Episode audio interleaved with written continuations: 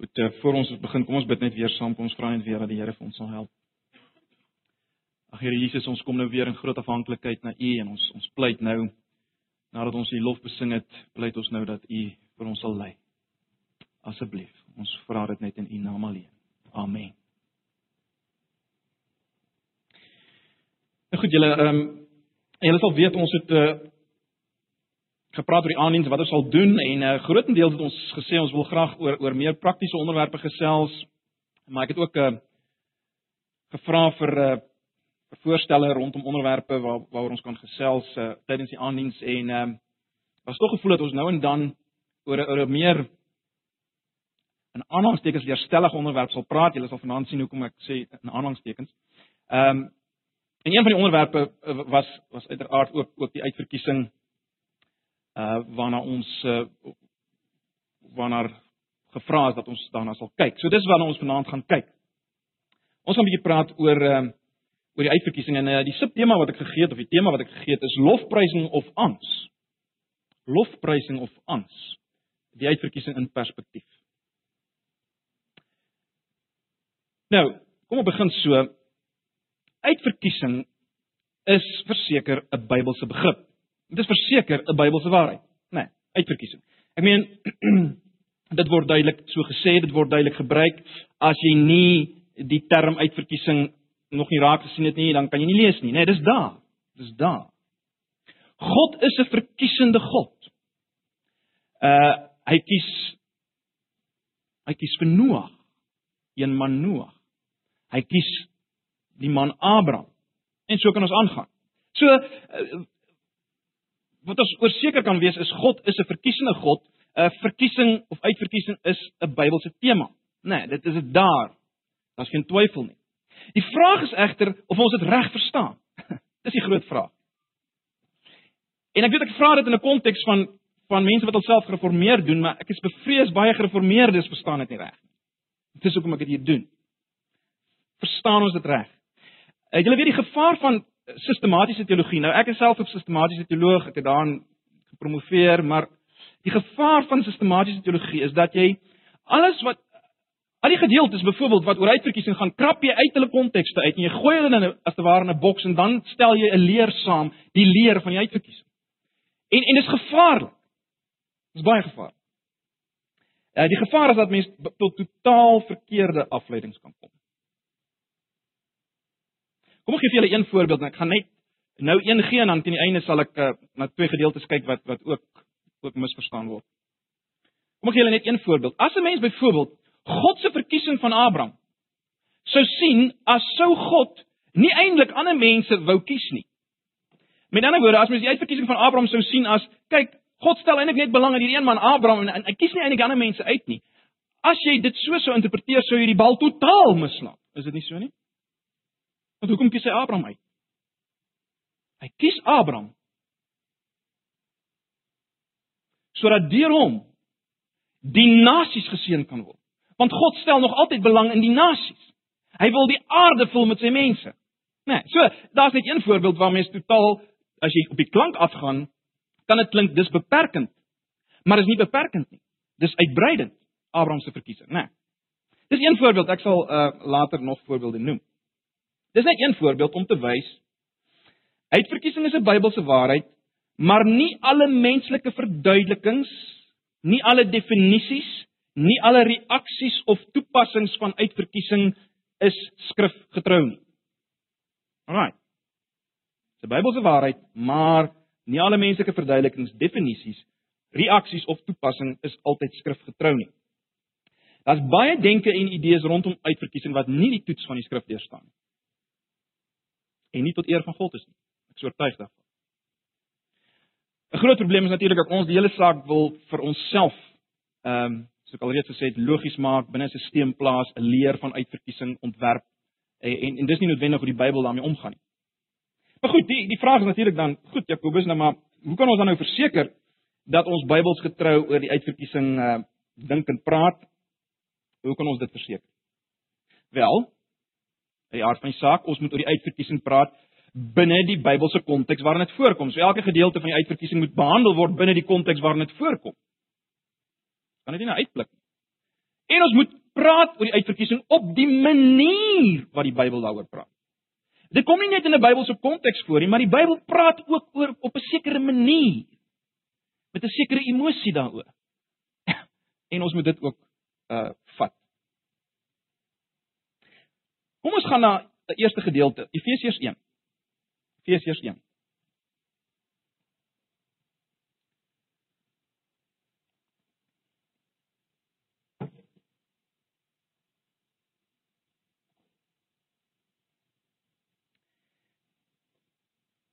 Sal julle my verskoon as ek my vanaand beperk tot die 53 vertaling? Ehm um, maar net omdat dit meer getrou is aan die oorspronklike teks. Daar's nie noodwendig groot verskille nie, maar goed. Kom ons lees vanaf vers 3 tot 14 net saam. Geseën. En ek wil hê julle moet uh, hoor waar ek laat klem val ook. Geseënd is die God en Vader van ons Here Jesus Christus, wat ons geseën het met alle geestelike seënings in die hemel in Christus.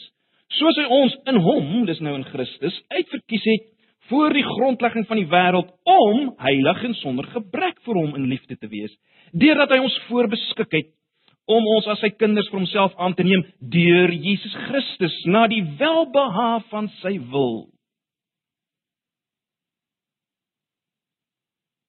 tot lof vers 6 van die heerlikheid van sy genade waarmee hy ons begenadig het in die geliefde.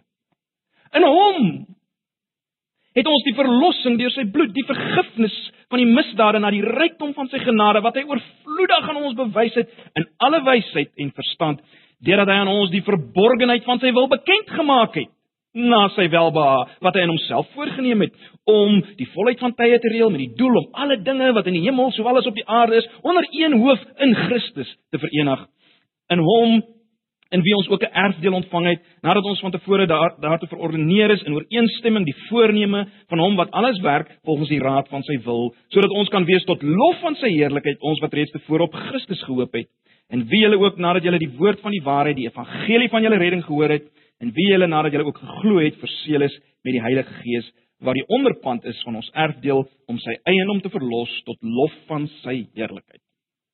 Goed.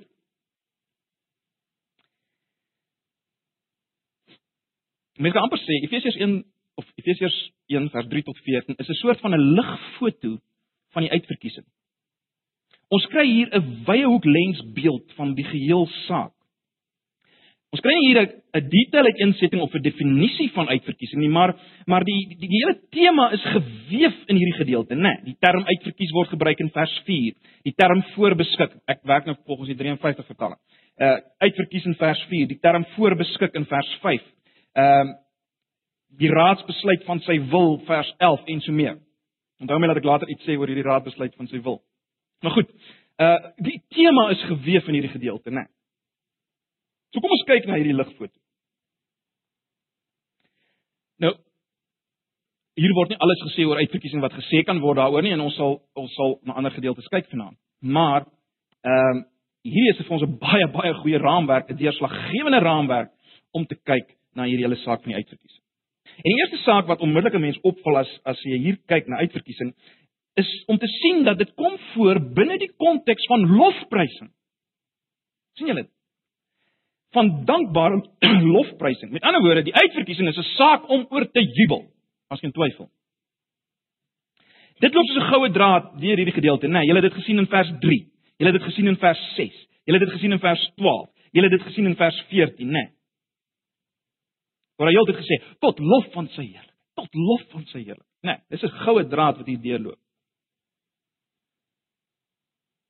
En ek dink hier alreeds sien ons dat die woord van die Here bring 'n geweldige regstelling wat betref baie mense ten minste se idees oor die uitverkiesing. Is dit nie so? Is dit nie so? Baie mense, selfs Christene wat die uitverkiesing aanvaar, uh vir baie van sulke mense is dit is dit tog nog steeds 'n bietjie van 'n saak van 'n verleentheid. Ehm uh, hulle is so half ongemaklik oor hierdie onderwerp. Daar word so half agter die hand daarvan gefluister, so asof almal net nie mag hoor nie of net nie die nie Christene moet dit net nie hoor nie. Ehm um, iets iets daarvan, né? Ons ons wil so min as moontlik daaroor praat. Dis so half van 'n negatiewe hartseer saak. Ehm uh, ja, kyk ek moet nou maar aanvaar dat God is soewerein, maar maar hierdie uitverkiesing ding pas nie heeltemal vir my lekker in nie. So ek praat nie te veel daaroor. Ek sou in ek verkies dat daar nie so iets was nie, want dit is ongemaklik. Vir ander mense is dit 'n vreesaanjaende, skrikwekkende onderwerp. Dit hang soos 'n dreigende swaard oor hulle geloofslewe. En en dit wels word dit so aangebied. Uh met ander woorde, dit bring eintlik twyfel en vrees. Dit bring 'n vretende uh onsekerheid, is ek uitverkies? En dan begin ek krap vir die sogenaamde tekens van uitverkiesing wat op aarde dit ook al mag wees. Maar goed, uh vrees en onsekerheid bring dit by mense en dit neem alle blydskap weg. Dit neem blydskap weg. Voel dit soos 'n onderdringbare muur. Maar broers en susters, stem julle met my saam as ons kyk na hierdie gedeelte hoe hoe anders praat die Bybel daaroor, nê? Nee. Dis nie fluisterend nie. Dis jubelend. Dis nie in terme van vrees nie, maar in terme van dankbare blydskap wat hierdie gedeelte praat. Dis nie 'n saak van verskrikking nie, maar is binne die konteks van oorvloedige genade.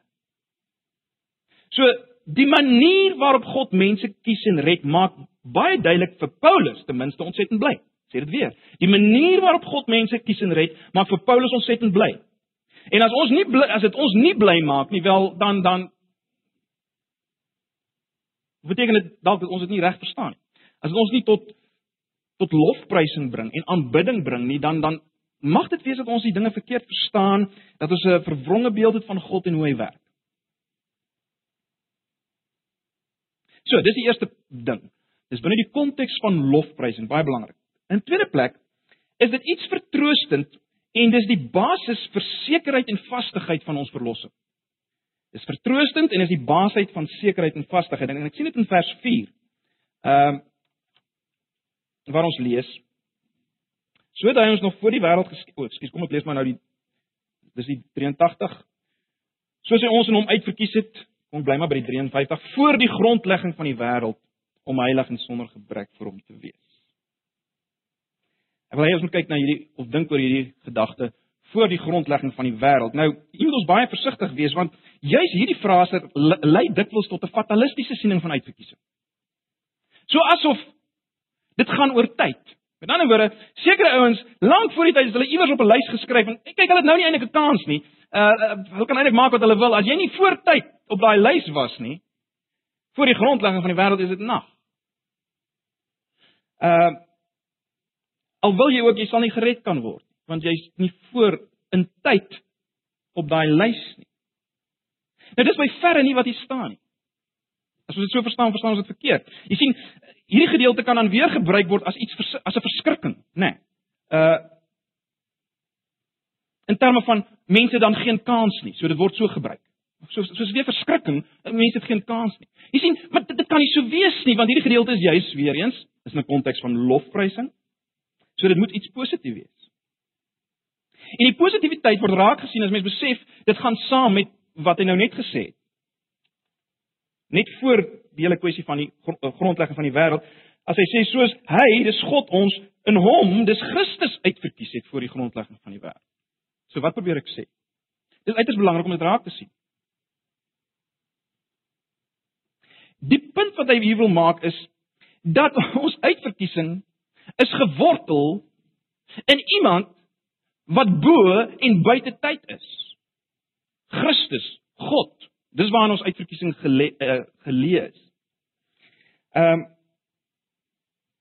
Jy sien die term voor die grondlegging van die wêreld of ewigheid net soos jy dit wil stel, uh beteken nie net 'n baie lang tyd in die gele, in, in die verlede nie. Dis 'n dis eintlik 'n goddelike begrip, nê? Nee, dit dit gaan oor 'n bedeling wat voor tyd is.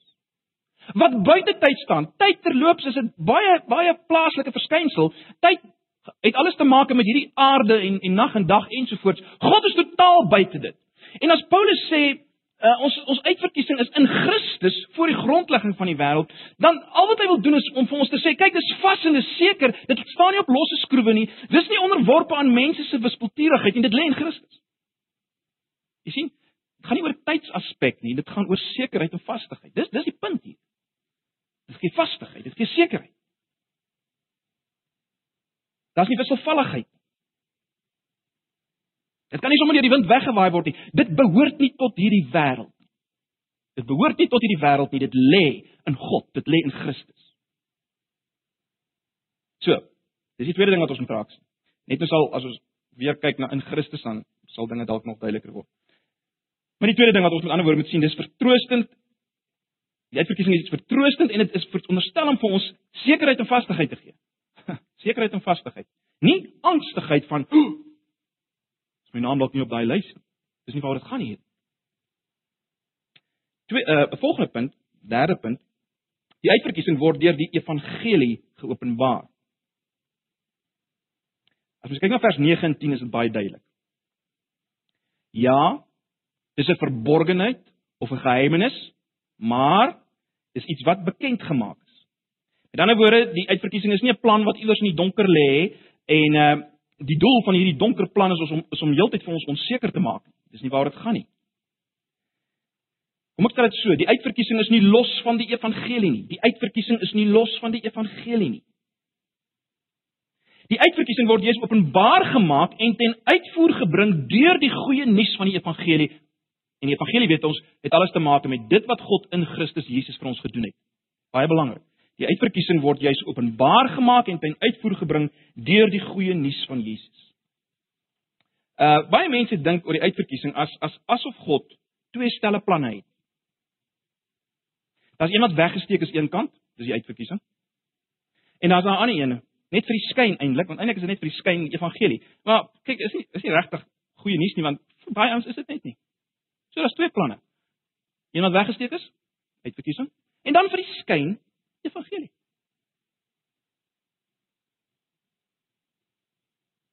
Broers en susters, die uitverkiesing van God is deel van die goeie nuus, die evangelie. Die uitverkiesing werk nie teen die evangelie nie. Die uitverkiesing is nie 'n geheime beperking nie. Dit is so tragies dat baie mense dink dat die uitverkiesing gaan oor die feit dat God se plan is eintlik om so min as moontlik mense te red. Ja, kyk, die evangelie word verkondig. Maar wat help dit werklik want as mense nie uitverkies is nie kan hulle nie gered word. Broers en susters, die die die wonder van die uitverkiesing is dat die manier waarop God mense uitverkies beteken juis dat ek nie 'n swakker kan staan om in die hemel te kom nie, Dit bring juis hoop vir my as sondaar. Dit maak nie my kanse swakker nie, dit maak my kanse baie meer. Dit maak nie die pad na God toe nie, dit maak die pad na God oop. As dit nie was vir God se genadige verkiesing en ons sal nou sien verder daaroor gaan nie, maar kom ons sê dit net eers so. As dit nie was vir God se genadige verkiesing nie, sou geen mens gered gewees het nie want geen mens sou kon kwalifiseer nie, né? Nee, dis tog ons weet dit. So, as dit nie was vir God nie, as dit nie was vir sy genadige uitverkiesing nie, sou niemand gekwalifiseer het nie. So hy maak nie die pad toe nie, hy maak die pad oop. Daar's nie minder wat gered word nie, daar's baie meer wat gered word. niemand sou gered word was dit nie vir hom wat uitverkies nie. Hoekom word mense nie gered nie? Wel, Johannes 3 vers 19 sê dit baie duidelik. Die mense het die duisternis liewer gehad as die lig. Dis die rede. Daar staan daar mense word nie gered omdat ons nie uitverkies nie. As jy my so vers in die Bybel kan wys, dan gee ek vir jou miljoene rand. Hulle die duisternis liewer as die lig. Dis hoekom hulle nie gered word.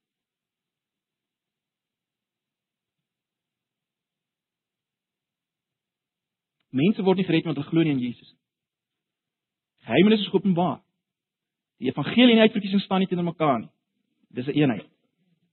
En dit bring ons by die kernbelangrike saak. Die manier waarop God kies. Wat is die manier waarop God kies? Broers en susters, God kies met alle respek gesê nie met 'n dobbelsteen nie. Hy kies ons in Jesus, né? Nee, dis wat vers 4 sê. Soos hy ons in hom, dis in Christus uitverkies het. Of as jy wil die 83 vertaling, So het hy nog voordat die wêreld geskep is ons in Christus uitverkies om heilig en onberispelik voor hom te wees. Hy kies ons in Jesus en as ons na vers 5 kyk, dan sien ons hy kies ons na die welbehae van sy wil of as hy wil, hy kies ons in liefde. Hy kies ons in Jesus en hy kies ons in liefde. En onmiddellik as ons van Jesus praat, kan ons nie langer dink aan 'n wrede God wat mense eintlik in die hel wil werp nie, nê? Nee, ons kan nie daaraan so dink. Dis onmoontlik. Want die God wat kies is dieselfde God wat sy seun na die kruis stuur.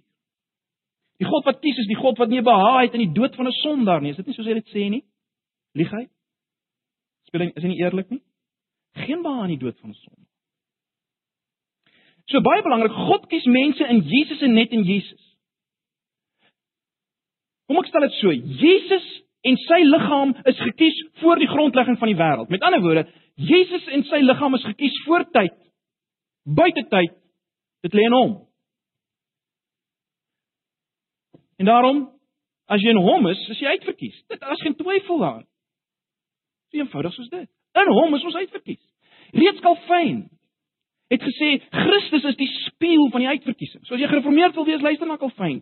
Hy sê die spieël van die uitverkiesing is Christus. Hy sê jy kan nie agter Christus krap vir 'n uitverkiesing nie. Hy is die spieël. God maak bekend hoe hy kies. God steek dit nie weg nie. Hy maak dit bekend. Hy kies in Christus. In Christus, dit laat my dink aan die Trojaanse perd, né? En binne in daai perd wees. Binne in Christus. Wie is die uitverkorenes? Dis die wat in Christus is. Dis wat hier staan, is dit nie? Hy kies ons in Christus. Vers 6 en 8 maak 'n volgende punt duidelik. God se keuse berus enkel en alleen op genade. So die uitverkiesing stroop van alle menslike trots. Hierdie uitverkiesing in Christus stroop van alle menslike trots. Jy ek het niks om goed te voel nie, hoor. Daar's geen rede in my waarom ek gered word nie. Die die begrip uitverkiesing onderstreep die genade van God want God kies sondaars in Christus uit. Hy kies mense wat nooit deur mense gekies sou word nie. God kies nooit die die top ouens nie. Hy kies net nie so nie.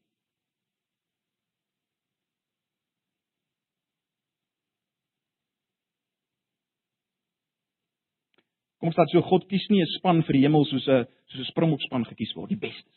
Die ons wat presteer, die ons wat indruk maak. God kies nie so nie. Weet jy wat? As ek en jy moes kies, sou ons baie minder mense gekies het as wat God gekies het. Is dit nie so nie?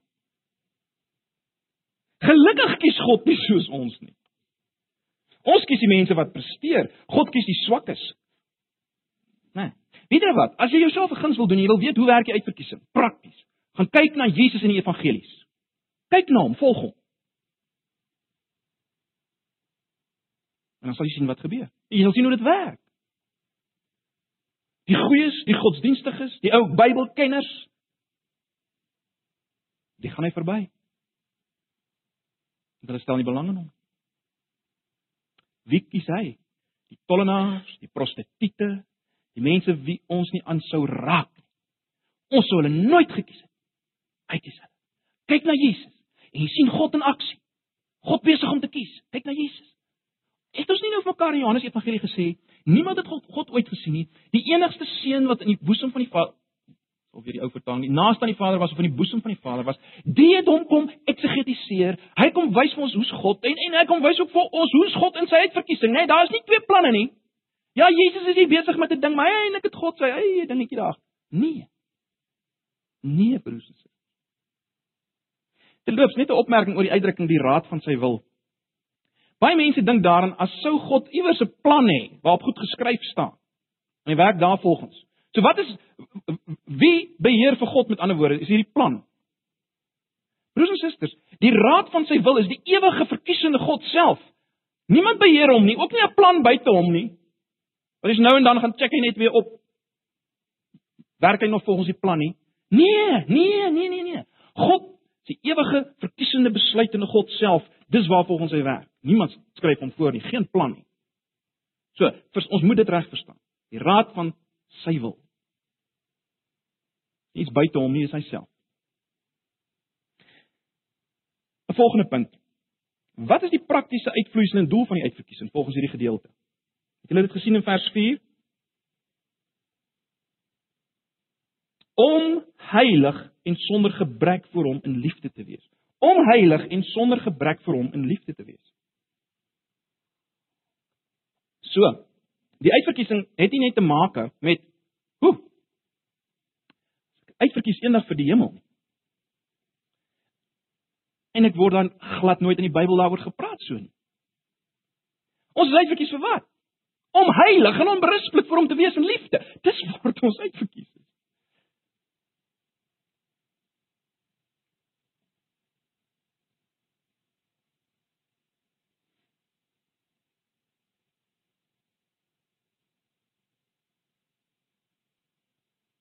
So die uitverkiesing plaas 'n verpligting op ons tot heiligmaking, né? Nee. Dit dit maak 'n praktiese verskil in ons lewens. Dis nie 'n saak vir spekulasie nie. Die uitverkiesing is nie vir debatte nie. Die uitverkiesing is 'n saak van leef heilig. Dit moet 'n stimulus wees vir my heiligmaking. Ek is uitverkies waarvoor? Nie sodat ek nou sekerheid het dat ek eendag in die hemel gaan. Nee. Sodat ek moet heilig leef in liefde. Dis die stimulus tot 'n heilige lewe. Dis die uitverkiesing. Dis uitverkies in Christus vir heiligmaking. Dis tog wat daar staan, is dit nie? Moet my sê as ek verkeerd is. Dis wat daar staan. Om heilig en sonder gebrek vir hom in liefde te wees. Dis waar dit ook uitverkies. Nie saak vir spekulasie. So, jy sien God se verkiesing ruk ons los uit ons selfgerigte en ons sondige bestaan en dit plaas ons op die pad van heiligmaking. Dis waar dit gaan. En daarom 'n selfgerigte, egosentriese mens wat vreeslik kan debatteer oor uitverkiesing, hy, hy hy weet nie waar dit gaan. Hy weet nie waar dit gaan. Plaas my op die pad van heiligmaking. So, broers en susters. Om op te som wat ons tot nou toe gesien het. Eerstens Uitverkiesing moet ons nie bang maak nie, maar bly. Tweedens, dit moet ons nie mismoedig maak nie en laat stil bly nie. Dit moet ons bly maak, positief maak en laat jubel. Nee, dis die tweede punt. Derdens, die uitverkiesing staan nie teenoor die evangelie nie, maar word jy sigbaar in die evangelie. Vierdens, dit word nie in die skrif aangebied as 'n rede tot vertwyfeling nie, maar dit bring juis sekerheid vir ons. Jy sien, dis die tragedie. Uitverkiesing word dikwels die rede vir vertwyfeling en onsekerheid. In die Bybel is dit nooit die rede vir vertwyfeling nie. Inteendeel, dis altyd die rede vir sekerheid. Is dit nie so nie? Laat my sê of verkeerd is. Dit dui nie op 'n beperking van genade nie, maar op 'n oorvloed van genade vir ons.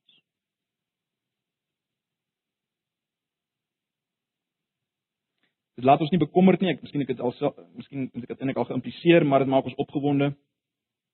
Dis nie 'n koue teoretiese saak om oor te spekuleer nie, maar dit spoor ons aan tot praktiese heiligmaking. Ek dink hieruit voortvloeiende implikasies baie duidelik. Die uitverkiesing is nie 'n saak om ongelowiges mee af te skrik nie, dis 'n saak vir gelowiges om hulle in te verbly. En hoe op aarde wil jy oor die uitverkiesing praat op 'n manier wat gelowiges soort van onseker maak? Dis nie hoe die Bybel daaroor praat nie, nog nooit. Dit is baie interessant dat in die Nuwe Testament word gemeentes aangespreek as uitverkorenes. Ek dink aan Kolossense 3 vers 12, 1 Tessalonisense 1 vers 4. Sê maar Kolossense 3 vers 12 byvoorbeeld, waar daar gesê as uitverkorenes ensovoorts ensovoorts ensovoorts, bekleë julle met hierdie dinge, doen hierdie dinge ensovoorts. Die gemeente, die Nuwe Testament, is aangespreek as uitverkorenes. Hoekom? Want hulle is die liggaam van Christus. Hulle word dan daar word dan gesê hulle is die liggaam van Christus. So die gemeentes word uit die staanspoor aan aangespreek as uitverkorenes. Bekleë julle as uitverkorenes, dit word aangeneem, daar word nie gegrawe, hoor jy moet net seker maak of, of julle almal in hierdie gemeente uit. Nee, die gemeente omdat hulle die liggaam van Christus is, is hulle die uitverkorenes, soos die volk Israel die uitverkore volk was en ons neem die rol oor. Die gemeente is nou die uitverkorenes van God en dis soos die Nuwe Testament praat oor gemeentes en met gemeentes. Paulus spreek die gemeentes aan as uitverkorenes. En die oproep is leef nou as uitverkorenes. Word heilig. Dis die oproep in die Nuwe Testament. Goed. Ek wil nou na nog twee gedeeltes kyk. Een net baie vinnig, ek gaan dit net noem en dan die ander een gaan ons sal julle met my moet volg in die skrif. Ek gaan vinnig daaroor met 'n breë kwas, maar ek hoop net julle gaan iets sien. Die eerste gedeelte wat ek ook sien as 'n gedeelte wat dikwels totaal uit konteks geruk word, is Jesus se uitspraak in die Nuwe Testament in Matteus 22 as hy sê baie is geroep, maar min is uitverkies. Weerens is een van daai gedeeltes as hy op klank afgevat word en hy word uitgepluk en hy word in 'n boks gegooi, klink dit verskriklik. Maar het julle al gesien dat daardie uitspraak kom aan die einde van drie gelykenisse? Drie gelykenisse. Drie gelykenisse wat gaan oor die Jode wat nie die oproep van Jesus wou aanvaar nie. Eerstens is daar die gelykenis van die twee seuns uh wat gevra word om te gaan werk. Een sê hy sal gaan en dan gaan hy nie en die ander een sê hy sal nie gaan nie en dan gaan hy. In die tweede plek is daar die gelykenis van die arbeiders wat gehuur is in die wingerd en dan in die, in die derde een, miskien die duidelikste een, is die gelykenis van die maaltyd. Nou, wat het gebeur in daai gelykenis? Mense is geroep om te kom na die maaltyd en hulle maak verskoning. Een sê ek het 'n vrou getrou, ander een sê ek het 'n nuwe os gekry, ander een sê ek het grond gekoop en so aan. En dan sê die koning wel, hy sê vir sy werkers gaan nou uit in die strate en die lane en dwing die mense om in te kom want my huis moet vol word. Jy sien daar's weer geen geen sprake van van beperktheid nie van min nie. Hy wil hê sy huis moet vol word en na hierdie gelykenisse kom die uitspraak want baie is geroep maar min is uitverkies. Wel gaan dink myself daaroor. Gaan dink myself daaroor. Dit gaan weer eens. Dit gaan oor die Jode wat God verwerp. Dit gaan nie oor beperking nie. Dit gaan nie oor 'n beperking wat by God lê nie. Daar lê nie 'n beperking by God nie. Daar lê nie 'n beperking by God nie. So dis net een gedeelte. Dan 'n volgende gedeelte en ek dink julle almal het nou al julle agterkoppe gedink, ja, maar wat van Romeine 9? So kom ons bly na Romeine 9. Kom ons bly na Romeine 9. Ek dink dit is een van die mees misgebruikte gedeeltes in die Nuwe Testament.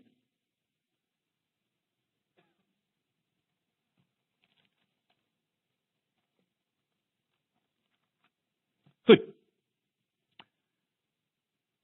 Julle sal bybly by my, maar ek gaan ek gaan ek sal probeer julle by my hou. En eer, eerste opmerking wat ek net wil maak oor Romeine 9 is dit. Romeine 9 mag en kan nooit op sy eie hanteer word. Aan die oomblik as jy dit doen, as jy net Romeine 9 gebruik, dan fouteer jy. Jy gruwelik misbruik hierdie Bybel. Want Romeine 9 tot Romeine 11 is een eenheid met een tema. As dan nie hoofstukindelings was nie en jy soms gelees het, sou jy gesien het, dis een geheel met een basiese tema en die ontsluiting, die klimaks lê in hoofstuk 11, nie in Romeine 9 nie.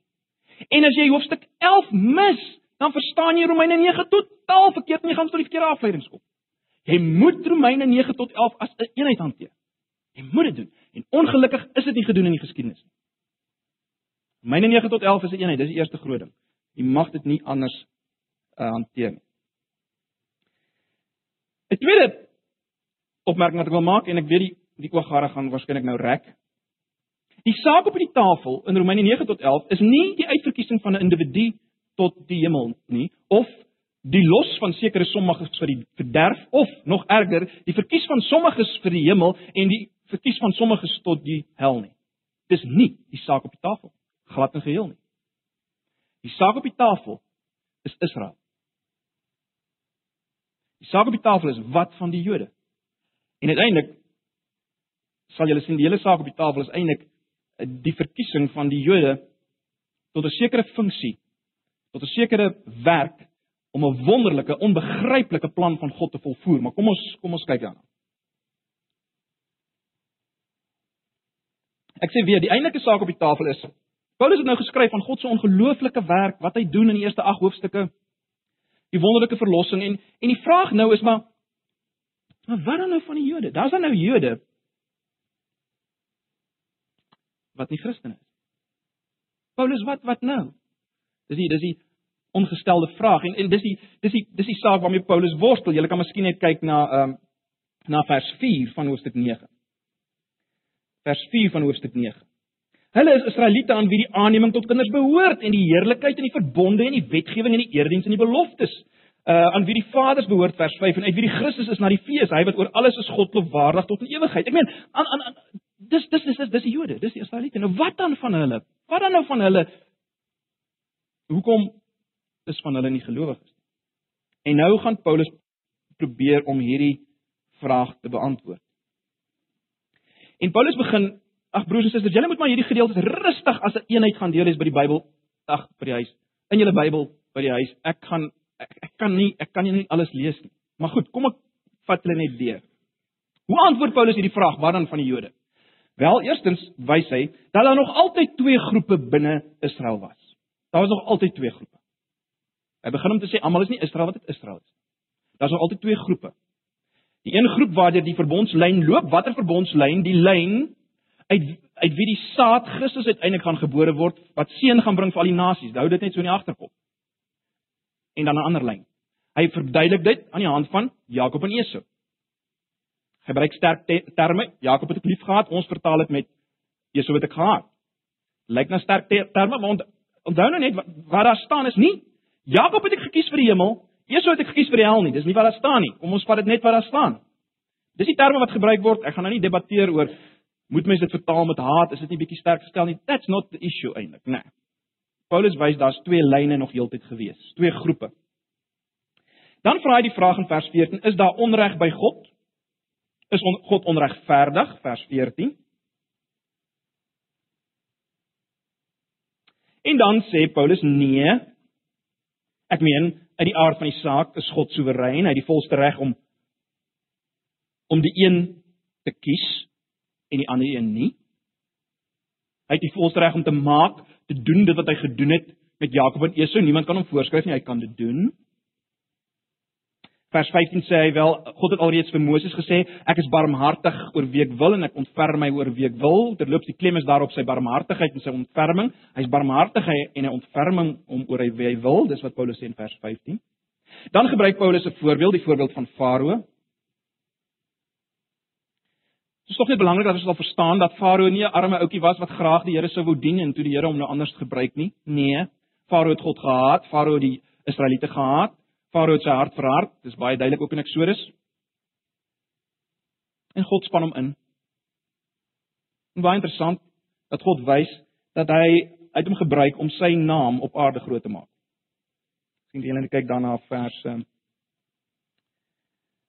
kyk na die einde van vers 17 wat die skrif sê aan Farao jy's hier voordat ek jou laat optree dat ek jou in jou my krag kan toon en dat my naam verkondig kan word op die hele aarde. Dis waarvoor God vir uh, vir Farao gebruik om sy naam te verkondig oor die hele aarde nê nee, is weer nie beperkend nie verloops maar is uh, uitbreidend. Hy wil sy naam verkondig oor die hele aarde maar goed.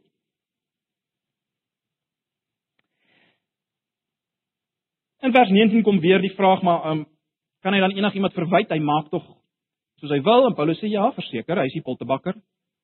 Hy kan besluit hy maak uit dieselfde stuk klei twee groepe. Twee dinge. Hy kan dit doen. Hy's God. So hy kan uit dieselfde stuk klei twee groepe maak. Né? Nee. En en die een groep word genoem die wat tot eer gemaak is en die wat tot oneer gemaak is. Of dan voorwerpe van toren wat hy verdra, vers 22, juis om die rykdom van sy heerlikheid te bekend te maak in die tweede groep vers 23 die voorwerpe van sy barmhartigheid. So ja, God maak hierdie twee groepe uit die klei uit, die voorwerpe van toren wat hy verdra. Hoekom verdra hy hulle? Juis om die rykdom van sy barmhartigheid bekend te maak aan die tweede groep, die voorwerpe van sy barmhartigheid. So dis vers 22 en 23. Let weer op, hier staan niks van een groep is gekies vir die hel en een groep vir die hemel nie. Maar ons kyk na hierdie twee groepe. Dan gaan Paulus aan vanaf vers 27 en hy praat oor die Ou Testamentiese lering van 'n oorblyfsel. En die sogenaamde oorblyfsel in die tyd waarin Paulus leef is die tweede groep. Die groep, kom ons noem dit dan wat hy tot sy ehm uh, die voorwerpe van barmhartigheid, nee, die groep wat hy tot sy eer gemaak het. Dis die oorblyfsel.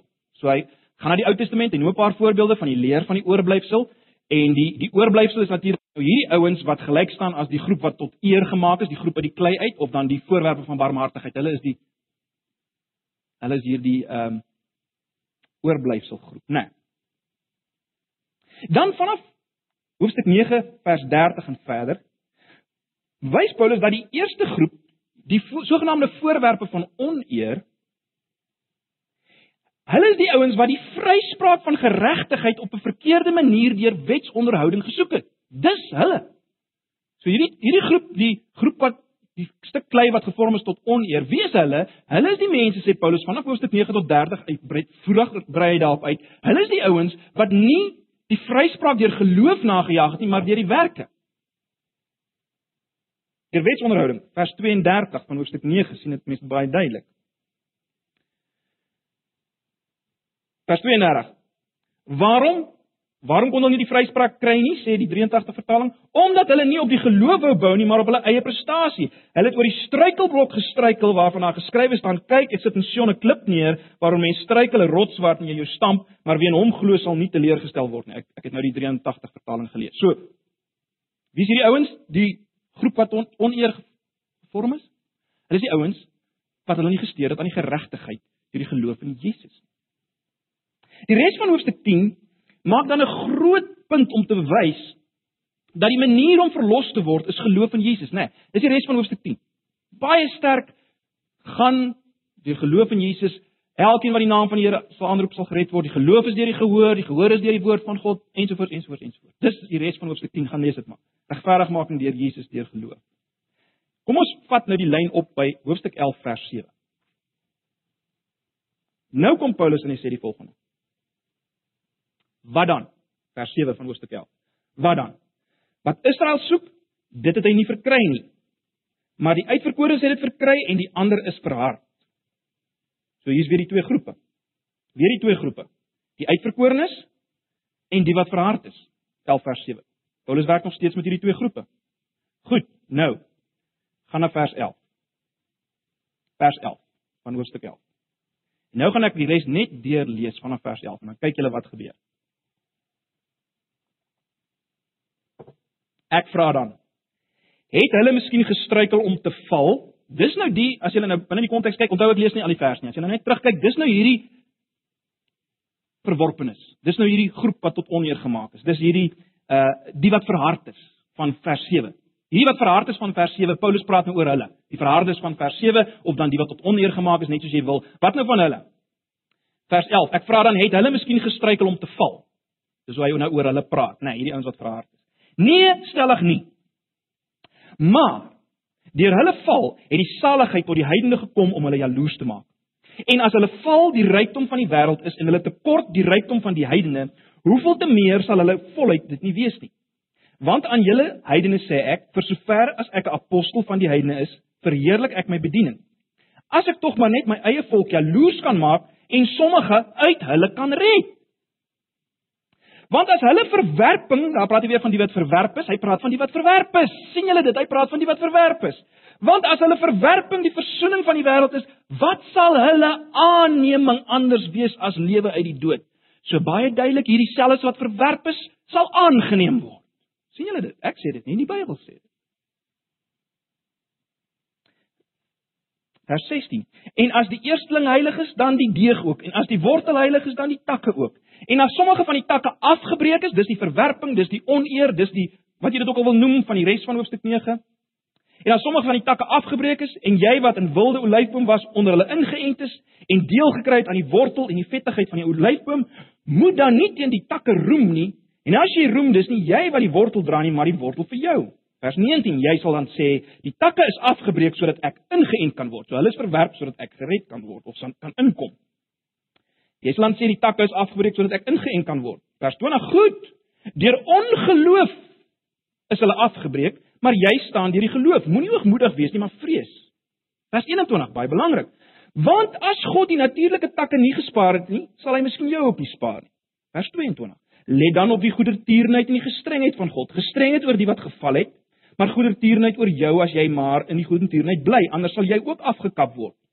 Maar ook hulle sal as hulle nie in die ongeloof bly nie, ingeënt word want God is magtig om hulle weer in te ent. Hierdie selfe ouens, die verworpenes, die groep tot oneer gemaak, God is magtig om hulle weer in te ent. Dis wat staan. Vers 24. Want as jy afgekap is van die olyfboom wat van nature wild was en teen die natuur op die makolyfboom ingeënt kan word, hoeveel te meer kan hulle dan wat dit van nature is op hulle eie olyfboom ingeënt word? Vers 25. Want Ek wil nie hê broeders dat julle hierdie verborgenheid nie moet weet nie sodat julle nie eie wys mag wees nie. Dit nou sê hy wat is die verborgenheid? Dat die verharding ten dele oor Israel gekom het totdat die volheid van die heidene ingegaan het. En so, hy verwys na 'n proses. En so sal die hele Israel gered word soos geskrywe is, die verlosser sal uit seën kom en sal die goddeloosheid van Jakob afwend. En dit is van my kant die verbond met hulle as ek hulle sondes wegneem. Wat die evangelie betref is hulle wel vyande ter wille van julle. Maar wat die uitverkiesing betref, bemindes ter wille van die Vaders. Die Vaders van wie al die beloftes gemaak is, né? Nee. Want die genadegawes en die roeping van God is onberoulik. Want soos julle ook vroeër aan God ongehoorsaam was, maar nou barmhartigheid ontvang het deur hulle ongehoorsaamheid, so het hulle ook nou ongehoorsaam geword deur die barmhartigheid aan julle sodat hulle ook barmhartigheid kan ontvang. Want God het hulle almal in die ongehoorsaamheid ingesluit om vir almal barmhartig te kan wees. En dan bars Paulus uit in 'n lofsang. Vers 33: O diepte van die rykdom en wysheid en kennis van God, hoe ondergrondelik is sy oordeele en hoe onnaspeurlik sy weë, want wie het die gedagtes van die Here geken of wie was sy raadsman gewees of wie het hy uh, of wie het eers iets aan hom gegee sodat dit hom vergeld moet word, want uit hom en deur hom en tot hom is alle dinge, syne is die heerlikheid tot in ewigheid. Amen. Wat sien ons broers en susters? Gaan nie oor my en jou verkiesing of verwerping tot die hemel of die hel. Dit gaan oor Israel en hoe God met hulle gewerk het. God het hulle verhard of as jy wil afgebreek van die olyfboom vir 'n rede om die heidene te laat inkom. En ons weet dit het histories so gebeur, né?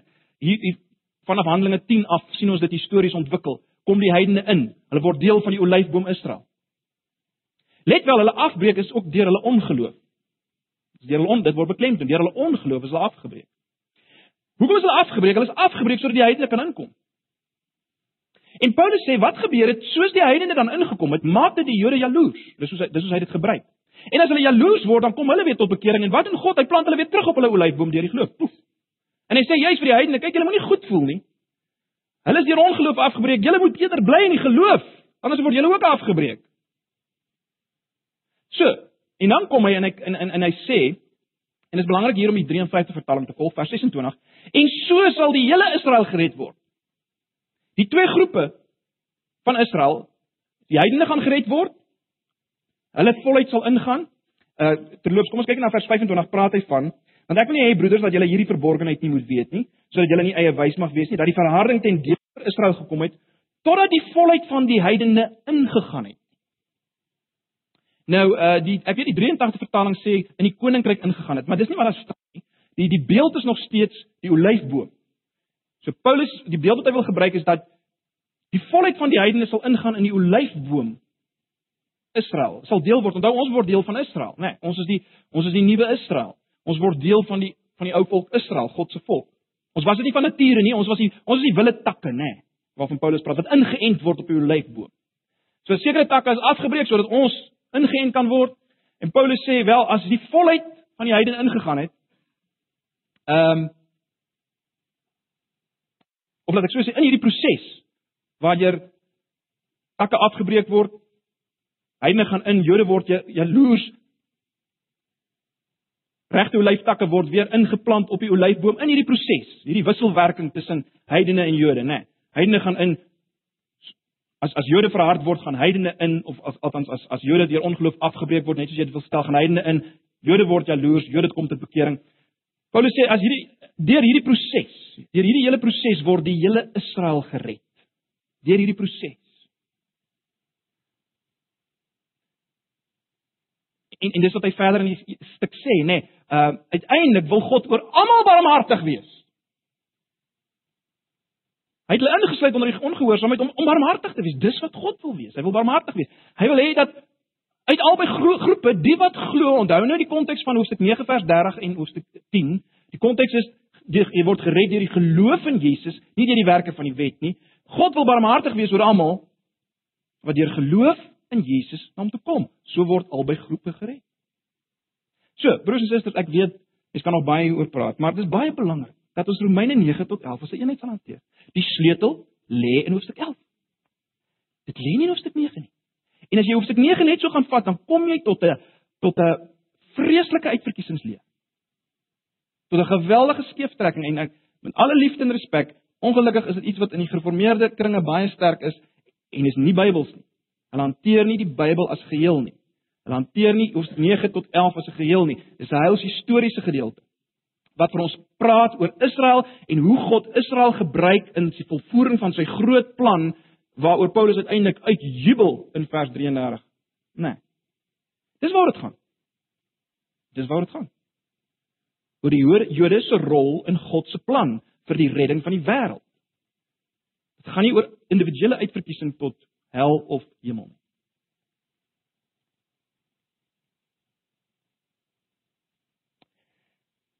So.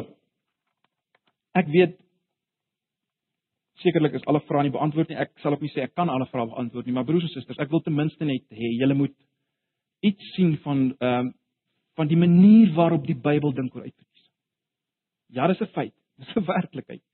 Maar is 'n heerlike werklikheid. Dis nie 'n beperkende werklikheid. Dit gee vastigheid. Dit bring nie onsekerheid. Ehm uh, en en en wat ek wil sê is moenie gedeeltes uit konteks uithaal nie.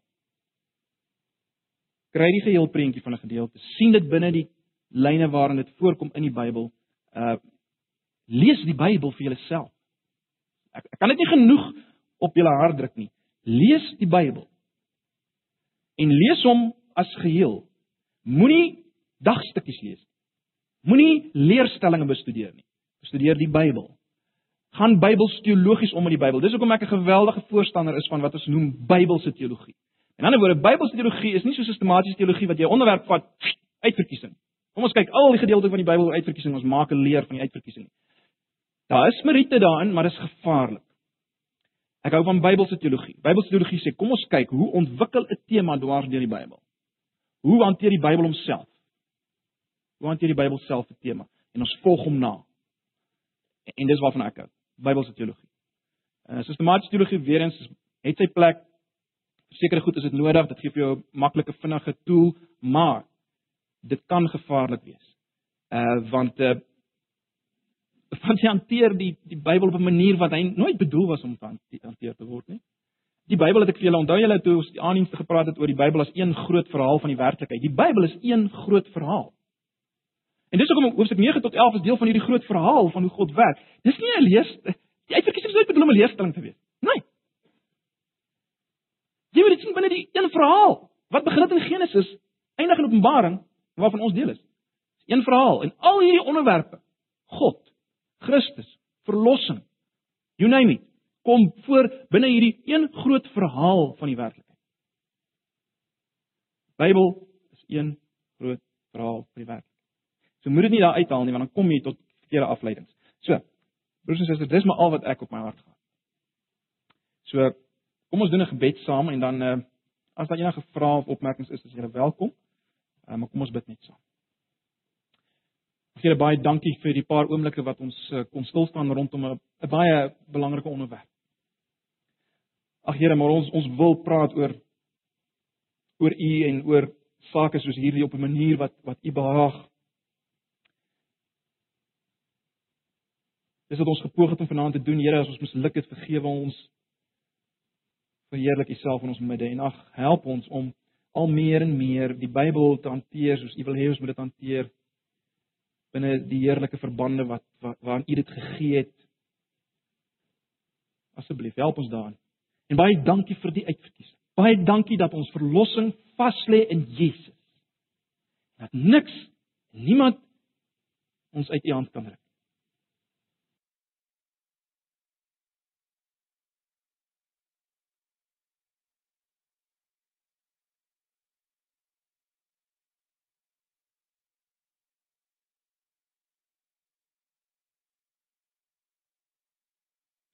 Eer U daarvoor. Ons dank U daarvoor. In Jesus se naam. Amen. Goed, ek weet nie as daar enige vrae of opmerkings. Ekskuus, Jan, ja, vra net weer die vraag hoor. Ek wil net vra wat jy het baie jy het nou gepraat oor die sekerheid wat dit vir jouself bring. Ja. Wat van jou geliefdes wat jy ook graag sou wou hê moet so seker daaroor wees, maar volgens jou lyk dit in hulle lewe asof ja. daar nie sodanige sekerheid is nie en dan is daar nog in jouself ook twyfel uh rondom hulle uitverkiesing. Ja. Goed, ek dink julle almal Hans se vraag gehoor. Hoe dink ons oor die mense rondom ons? As mense rondom ons wat vir ons aan alles teken lyk, o, oh, hulle hulle veel net af van die evangelie. Is hulle nie uitverkies nie? My antwoord daarop is dit: Ek en jy mag nooit met uitverkiesingsoë na mense kyk. Die Bybel kyk nooit met uitverkiesingsoë na mense. Wat ons moet bring is die spieël van die uitverkiesing, Christus. So al wat ek kan doen is, dan mag 'n familielid wees wat vir jare homself verhard het. Ons moenie opgee nie. Bid, wys Christus. Bid, wys Christus. Moenie begin kyk en dink met uitverkiesingsoë nie. En en dit is iets wat my baie hartseer maak want ek hoor dit. Ek het dit in ons gemeente gehoor van mense wat sê ja, hulle dink hierdie oom of tannie is seker nie uitverkies nie. Ek wil sterf. Ons mag nie so praat. dit om, hoekom nie? Nie omdat omdat dit nou ek nou sensitief. Nee, omdat die Bybel nie so praat nie. Die Bybel praat nie op daai manier nie. Die Bybel is kom. Kom. Almal wat ons het kom. Kom neem die water verniet, kom, dis uitnodiging na almal. En en uh ja. Uh hoekom hulle nie luister nie? Dit dis en ek nie dit dit, dit lê nie by my nie. Ehm um, ons verstaan baie dinge nie. Maar al wat ek wil hê is ons moenie op 'n manier praat en dink oor mense wat die Bybel nie praat en dink nie. So ek ek ja, ek kan net nie sterker stel nie. Moenie met uitverkiesingsoë na mense kyk nie. Ehm um, bring Christus. Christus is die spieël van die uitverkiesing. Dit is die hele boodskap van die Bybel. Die geheimenis is bekend gemaak wat God wil in Christus en dit lê in Christus. Verkondig Christus, maak hom groot. En en en en, en die res het ons nie beheer oor nie. Maar dit sal my antwoord wees. Dit sal my antwoord wees. Nog enige vrae?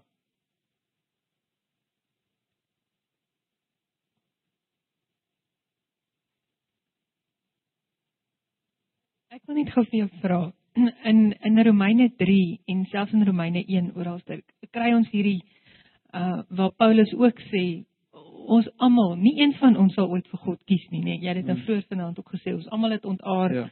Um ons is almal onder die toren van God en daar is 'n ondersonde. In ander woorde, niemand sal in elk geval dan uit hulle eie uit ook ooit glo nie, is ek Ja. reg? Um Ja. so in in in daai sin Ja. verkies God nog steeds of verstaan ek weet nie altyd hoe om daai verband te bring Ja. tussen eh, die geloof met ander woorde ons word gered deur geloof in Christus alleen nie maar dis God wat die geloof gee. Ja, onthou dis God se werk. Onthou wat ons vanaand sê is God is God is aan die werk. Ont- Onthou dis God wat Christus gekies het en Christus se liggaam. Nee. En die die middel waardeur mense daaraan deel kry is die geloof. Die geloof wat ons weet ook deur God gewerk word. Jy moet glo. Die weer eens uit ons perspektief uh ek moet sê kom, glo. Dis wat die Nuwe Testament sê. Die Nuwe Testament sê nooit vir mense, hoorie, julle kan nie eintlik glo nie, maar jy moet glo. Of daai tipe terme wat ek baie keer hoor in sekere kringe. Dit- Ek noem dit maar net die Bybel is is, is eenvoudig. Glo in Here Jesus Christus en jy sal, sal gered word op een vlak. En dis wat ons moet doen. Ons roep mense op tot geloof. Maar natuurlik dis daardie wonderwerking weer eens dat God onthou die evangelie is wat? Die evangelie is nie sommer net 'n neutrale boodskap nie. Die evangelie is die krag van God tot redding vir elkeen wat glo. So nou verkondig word ons verkondig ons die evangelie. En God gebruik daai evangelie woord. Raak mense aan, keer hulle om. Die boodskap wat gaan oor wat? Oor Christus. En mense glo. Mense glo. Uh dit dis dit bly 'n misterie. Natuurlik, dit is juist die punt. Niemand sou kon kom nie. Niemand sou gered word as God nie in Christus gekom het en iets gedoen het en die evangelie gebring het nie. En en en ja, verseker. Ehm um, mense men, mense is is is dood in hulle sondes en misdade. God moet hulle lewend maak, maar hy doen dit in en deur Christus, in en deur die evangelie. In en deur die oproep tot geloof. Dis die middel wat hy wat hy gebruik. Maar is hy die, die inisiatief lê by hom. Dit moet julle nie mis nie. Die inisiatief is by God. Dis hoekom Paulus hom loof en prys. Hy het dit gedoen. Ek bedoel hierdie hele plan van verlossing in Christus is syne. Ons sou nooit daarby uitgekom het nie. En ja, alle mense, die mense teen God gekies. Almal verdien om net gelos te word. Almal het hom verwerp. Uh, hy het niemand verwerp nie. Mense het hom verwerp. Nou kom hy en hy en hy hy hy, hy, ontwerp hierdie meesterplan van voor die grondlegging af in Christus, plan van verlossing. Jy weet so ja.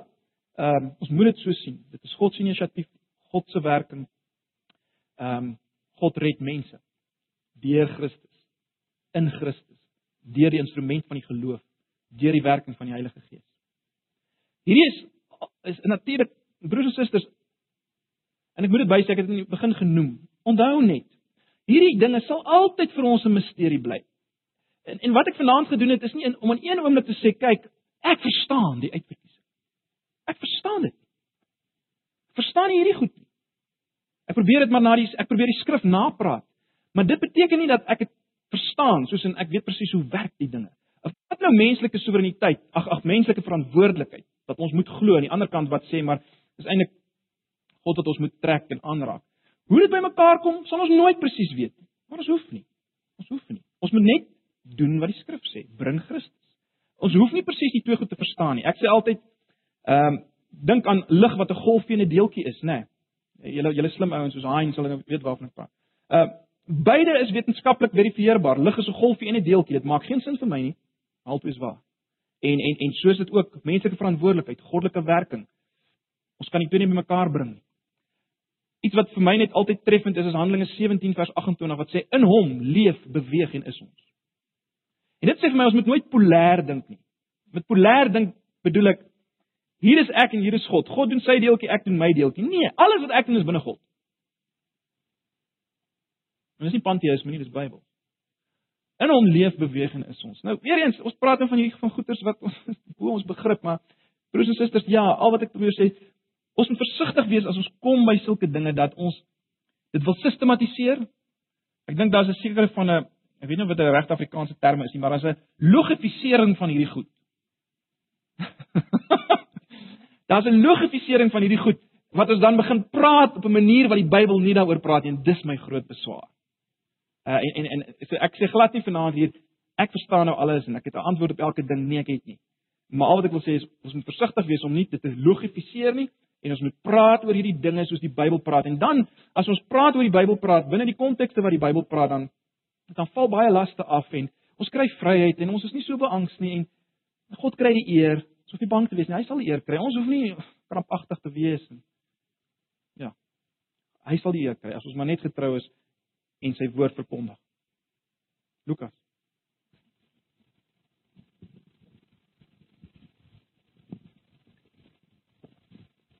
Ehm um, ek wil net uh net by jou aansluit dit wat jy gesê het. Ehm um, as ons kyk na die uitverkiesing, moet ons kyk na Christus. En ehm um, ultimately is dit wat ons sien in Christus, dit hoe die Vader is en Christus het daai ryk jong man geroep om hom te volg en daar staan self geskryf dat hy hom liefgehad het. Ja. En so dit is nie as ek dit as ek net dit moet uh vat wat daar geskryf staan, wou Christus gehad het dat die man hom moes volg.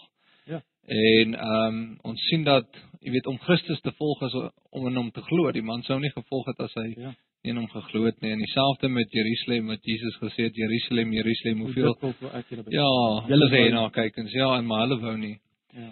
So uh, en dit is tog die Vader se beeld wat ons daarso sien. Ja. En uh ek wil net uh, uh, ook ietsie uh, sorry vir die uh, Engels mention um, wat ek in um, Efesiërs ook raak gesien het dat wanneer Christus uh, praat in hoofstuk 1 van um, in in him uh, us and we en ons wat um, uh, voorbeskik was en so dan sien ek dat hy daarson vers uh 12 sê dit ehm um, dit is hulle wat eers in Christus gehoop het en dan vers 9 sê hy aan hulle wat die verborgenheid bekend gemaak is en in ehm um, hoofstuk 3 vers 5 sê hy dit is aan sy apostels en profete. En hy herinner ons in hoofstuk 2 dat ons eens nie deel gehad het aan hierdie wonderlike plan nie. Maar dan die wonder daarvan is dat ons ook nou ingesluit word. So ek dink ehm um, ek wil ek wil net hierby net aansluit en ek sê dit is nie 'n kliniese manier om te kyk na die uitverkiesing ek is of ek is nie, maar daar is genade vir my beskikbaar in Christus en die uitnodiging bly dat ek dat elkeen kan kom. Ja. Ja, en ek ek kan net sê die die uitverkiesing is is vir my as gelowige om terug te kyk en te sê, "Jo. Weet jy, as ek terugkyk, was dit nie vir God en sy verkiesing van my in Christus nie daar geen kans. En dis dis die konteks waarin die uitverkiesing funksioneer is vir gelowiges. Ek het dit gesê aan die begin, versekerheid vir terugkyk en dan al die lof van God bring. Al die lof kan hom om, om toe. Ek kan niks eer vir myself neem nie.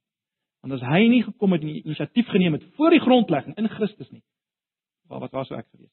So dit is baie belangrik. Die uitverkiesing is vir gelowiges, vir terugkyk, vir sekerheid, vir vastigheid, want as ek in hom is, en en ek saam met hom gesterf en opgestaan en so en dit gee my vastigheid nê nee, ehm um, gee my vastigheid ehm um, gee my vastigheid as ek as ek as ek weet Dis nie ek wat maar op jy weet hier van my kant te probeer het en ek het nou maar sommer myself hier aange, aangebied nie. Kyk, dan kan ek onseker wees. Wil hy my hê want ek het nou sommer self gekom my aangebied.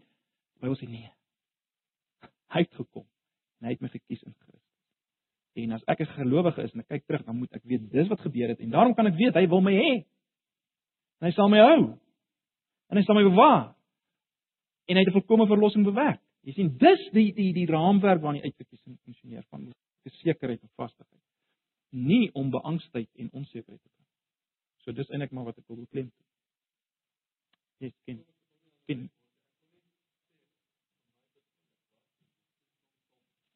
verander toe maar ek swaar gaan praat. Ja, maar dis is nie vir jou nie, dis vir die ander mense. Nee, ek uh, wil net sê ek dink in die praktyk is hierdie tipe van vrae wat hy nou daar genoem het, jy weet, ek dink nie ja in een opsig moet 'n mens dit kan daartoe lei dat jy veroordelend is. Ah, ou dra nie vrugte nie as jy gered is, nie uitverkies nie. Maar 'n ander sin is dit tog uh, vir 'n mens kom dit op jou pad om te weet met wie werk ek nou. Ek moet 'n mense evangeliseer by my werkplek waar ook al. En en het ek 'n soort van 'n uh, evaluering oor die persoon. Ek ken hom nou lank. Ek, ek, ek sien nie Christus in hom nie. En dan kom dit altyd by my op is hy gered of is hy nie? Met watter soort evangelie kom ek nou na hom toe? Of of om wat wat is my metodiek? Waar begin ek met hom en waar nie? En dis nogal in die praktyk soms 'n uh, kwessie en dan verbaas so 'n persoon jou op 'n dag weer dan besef jy nee, maar hy glo tog. Jy weet so Mm. maar ek het vir myself gesê dat soos Paulus sê verkondig net Christus en Ja. en die gekruisigde heiland as jy veilig. Nie. Kan jy aan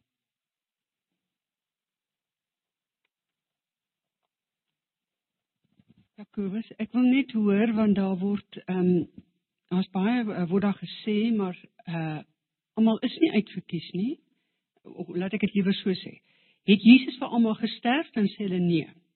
Want almal word nie gered nie. Mm. So met ander woorde dan kon hy nie vir almal gesterf het nie. Ja, dis weer 'n logifiserende antwoord, né? Nee. Ja, daar's die sogenaamde dis nou julle onderwerp eie, ek wil nie eintlik nou daaroor praat nie, maar ehm die sogenaamde uh leer van die limited atonement. En ek hou glad nie van die term nie. Want dit dit lyk asof Christus se verzoening beperkend was. Die Bybel sien dit as oorvloedig vir die wêreld. Uh weer eens ons moet praat soos die Bybel praat daaroor. So ja, hy het vir sy uitverkorings gesterf, vir sy liggaam, vir die wat in Christus is.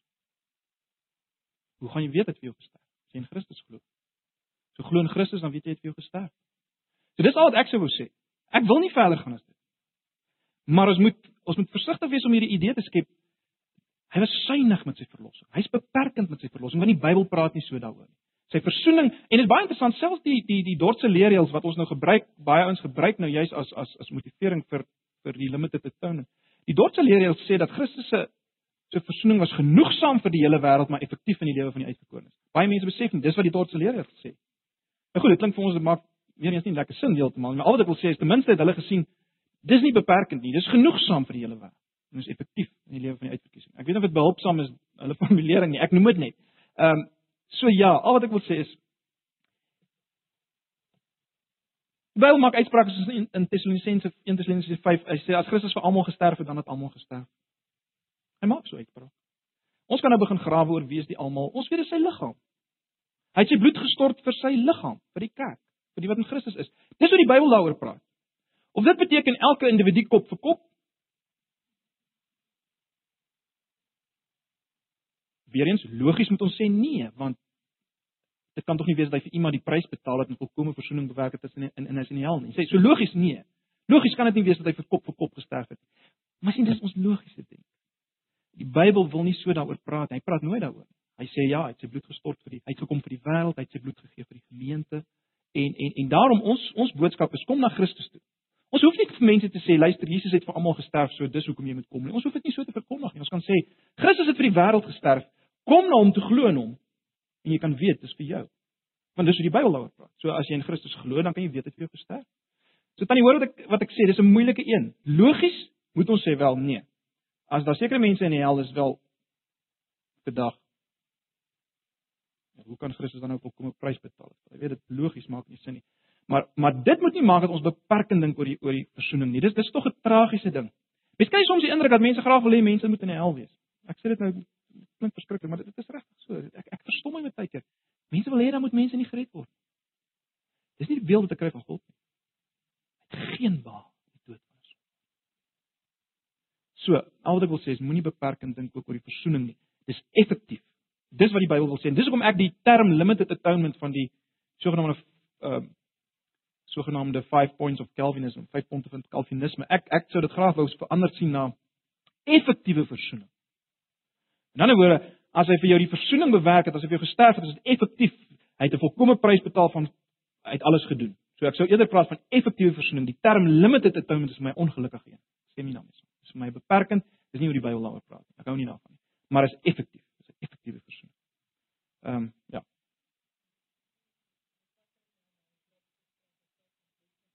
Of definite atonement, ja. Dis 'n beter term. Definite atonement. Nie limited. En dit dit dit gee die gedagte God was beperkend. Ehm um, en weer eens dis is dit sou 'n logiese afleiding maar dis nie 'n Bybelse manier van praat nie. Nie Bybels nie. Ons moet probeer Bybels weet. En as Bybels bots met gereformeer, dan bots dit. Dan bots dit. En as ons nie ongereformeerd nie, dan is ons net meer gereformeerd, want dan reformeer ons terug na die Bybel toe, né? Nee, so uh, ons hoef nie bang te wees daarvoor. Jakobus wat van Ismael en Isak wat uh, is dieselfde. Selfe. Dit lyk so asof 'n Ismael en sy ma 'n bietjie onregverdig behandel is. Ja, wel, dit is God is soewerein en hy maak wat hy wil, maar ek dink ook so verkeerd wees as ons sê dat uh weer dit uit ons terme en ons logiese terme Ismael is hel toe, want dis nie wat die Bybel sê nie. Dit baie interessant, né, ou ou ou Hagar. Sy roep na God en God luister na haar en hy hoor haar gekerm en hy sien die kind. Jy het gelees in die Ou Testament. God se ontferming oor Ismael en Hagar.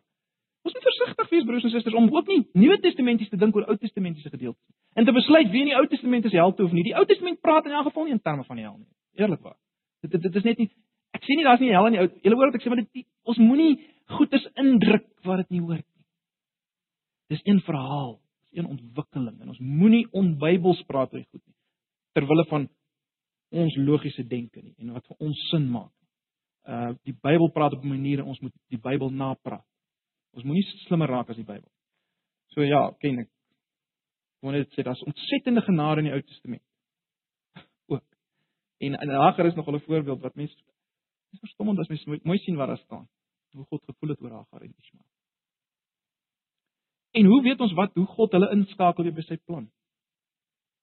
En uh, hoe hy vandag die volke en groepe gebruik en so dis misteries vir ons. Ja. Ek weet nie is daar nog enige vrae of opmerkings?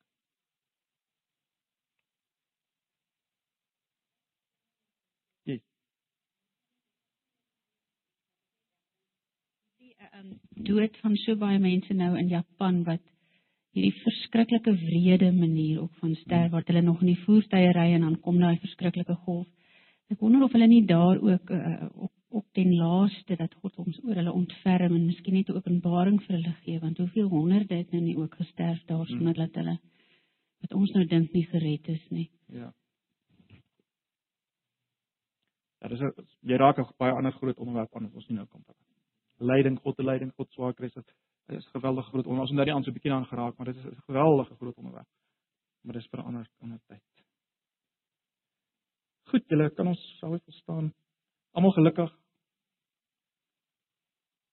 Stem julle saam met wat ons gesien het? Ek weet ehm um, sommige van ons het miskien 'n ander bietjie begrip gehad. Dit is maar wat ek vir julle bring is maar dinge waarmee ek baie baie jare worstel met die skrif self en en en, en dit is vir my baie moeilik om hieroor te praat want ek ek is bewus daarvan dat dit nie heeltemal in die lyn is van sekere gereformeerde denkwyses nie, maar ek ek kan nie anders as om eerlik te wees met die Bybel. So ek het dit maar net met julle gedeel.